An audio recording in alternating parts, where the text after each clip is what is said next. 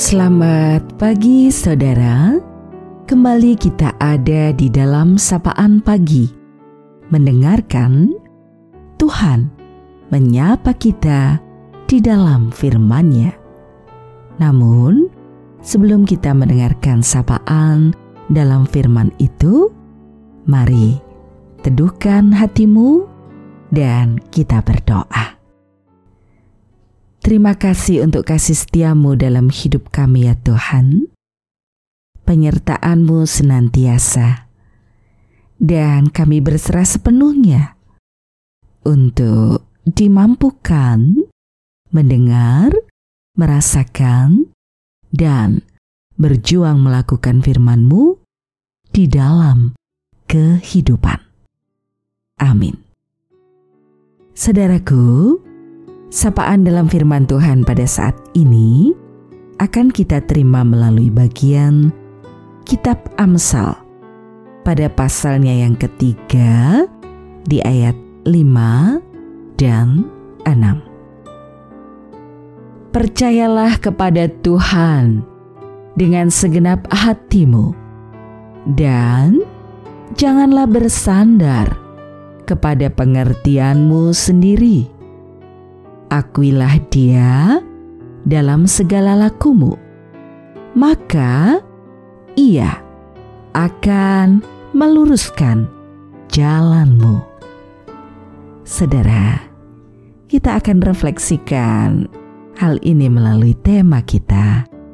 Percayalah dengan segenap hatimu, dan ia meluruskan jalanmu salah satu bentuk percaya kita pada Tuhan, bukan dengan menempatkan pikiran kita dan kekuatan kita di atas proses dan perjalanan hidup, namun berani untuk terus menempatkan Allah sebagai prioritas utama atas apa pun yang tengah dijalani.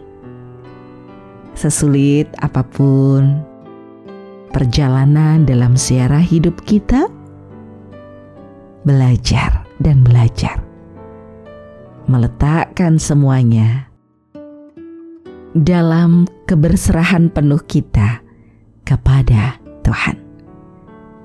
Hal ini juga yang akan dituturkan oleh Joshua Mari kita dengar penuturannya.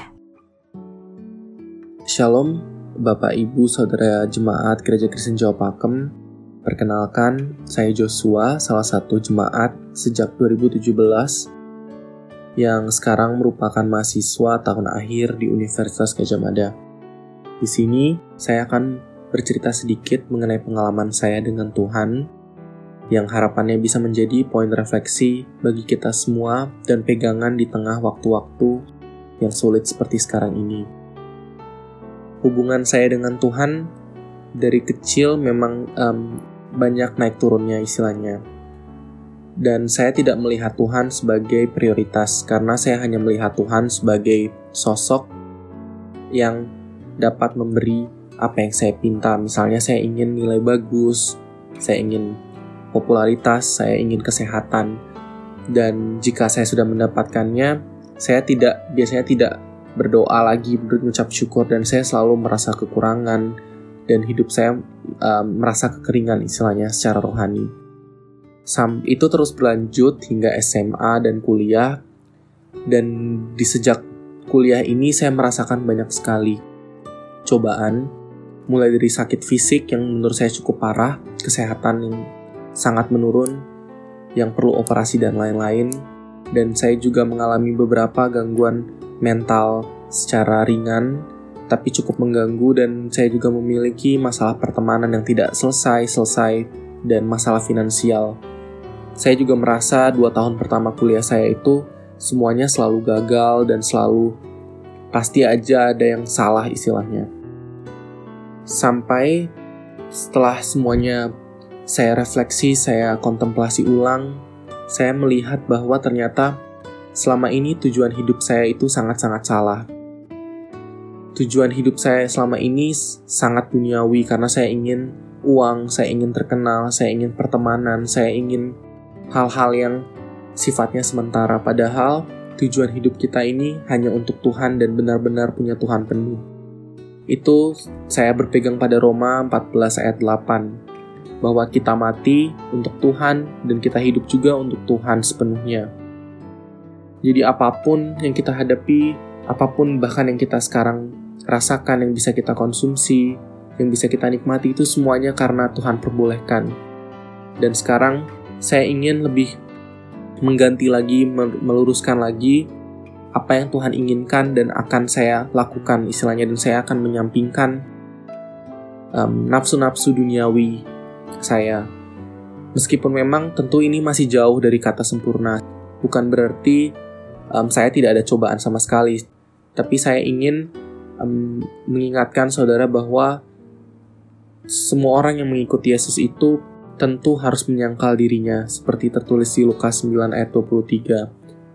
Jadi bukan berarti jika mengikut Tuhan itu tanpa cobaan dan selalu lurus, mulus, dan selalu diberikan apa yang kita minta, tetapi apa pun yang kita hadapi, kita memiliki senjata yang jauh lebih kuat, yang lebih besar dari roh apa pun yang ada di dunia ini, yaitu roh kudus Tuhan Yesus Kristus dan Bapa. Seperti um, yang saya pegang selalu itu segelap apa pun yang saya hadapi, saya percaya kasih Tuhan dan terang Tuhan tujuh kali lipat lebih terang dari apa pun yang ada di dunia ini. Maka um, kesimpulannya yang ingin saya sampaikan adalah tetap berserah dengan Tuhan. Tuhan tahu apa yang terbaik. Tuhan bukan jin yang bisa memberikan permintaan um, secara cuma-cuma tiga permintaan tapi Tuhan maha tahu dan Tuhan maha besar, Tuhan mengerti dari awal, pertengahan hingga akhir rancangan apa pun itu yang kita miliki sehingga percayakan semua rencana saudara uh, pada Tuhan dan percaya bahwa Tuhan selalu memberikan yang terbaik dalam hidup kita apa pun itu dan tentu yang terbaik bagi Tuhan jauh lebih baik dari apa yang kita paham tetap semangat, tetap memiliki pengharapan, dan selalu berdoa kepada Tuhan dan berserah penuh kepada Tuhan. Percayakan bahwa rencana Tuhan merupakan rencana yang paling luar biasa yang jauh di atas akal budi manusia. Di tengah waktu sulit seperti pandemi ini, percayalah bahwa Tuhan adalah gembala kita semua dan kita tidak akan kekurangan apa pun. Tuhan Yesus memberkati. Saudaraku, percayalah sepenuh hati. Percayakan hidupmu hanya kepada Tuhan, yang berarti tidak setengah-setengah. Dan janganlah bersandar pada pengertian sendiri. Akuilah Dia dalam segala laku hidup kita. Belajar memprioritaskan Tuhan sepenuhnya dan terus ada di dalam kehidupan bersamanya. Maka ia akan meluruskan jalan kita. Jadi saudara, apa pun masalah kita, tetap percaya padanya. Biarkan dia yang mengambil kendali atas hidup kita. Karena tanpa dia, kita tidak bisa menjalani hidup ini dengan benar. Ia mengasihi kita, Ia merengkuh kita dengan segala kebaikannya. Saudara, kini kita akan akhiri sapaan pada pagi hari ini. Terus belajar untuk menjadi pribadi yang berguna. Salam sehat, bahagia, tetap semangat, dan terus jaga prokes agar kita sehat dan selamat.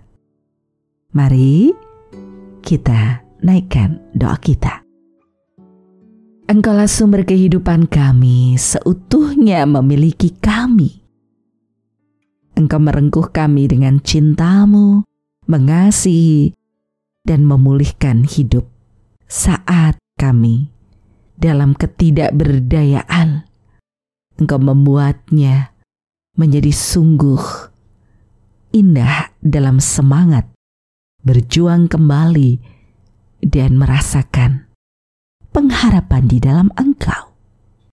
Kami berserah untuk setiap hal yang terjadi, karena sungguh kami merasakan Engkaulah sumber pertolongan yang sejati.